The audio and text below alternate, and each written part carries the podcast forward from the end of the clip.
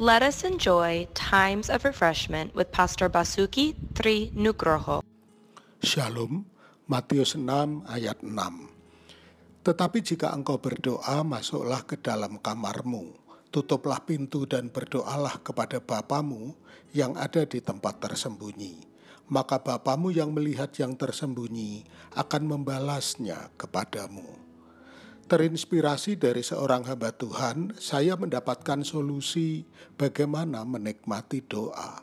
Sebelumnya, saya sering terganggu dengan pikiran saya yang mudah berpindah ke lain topik, sehingga saya merasa kurang fokus saat berdoa. Maka mulailah setiap pagi kalau saya berdoa, saya buka komputer saya. Saya tuliskan di situ hal-hal apa saja yang ingin saya bicarakan dengan Tuhan.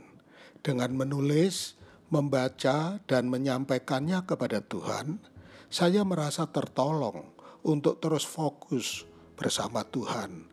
Saya tidak lagi merasa tidak layak karena pikiran saya yang sering ke mana-mana. Saya tertolong untuk tetap di kursi dan berhubungan dengan Tuhan. Yairus memohon Yesus datang ke rumahnya untuk kesembuhan anaknya. Perwira Kapernaum minta Yesus ucapkan sepatah kata saja untuk kesembuhan hambanya. Perempuan pendarahan berpikir, asal kujamah jubahnya. Jika Tuhan menghargai cara banyak orang berbicara kepadanya, saya yakin dia juga mendengar apa yang saya sampaikan kepadanya dengan cara saya. Apakah Anda ingin mencoba cara Anda sendiri? Tuhan memberkati.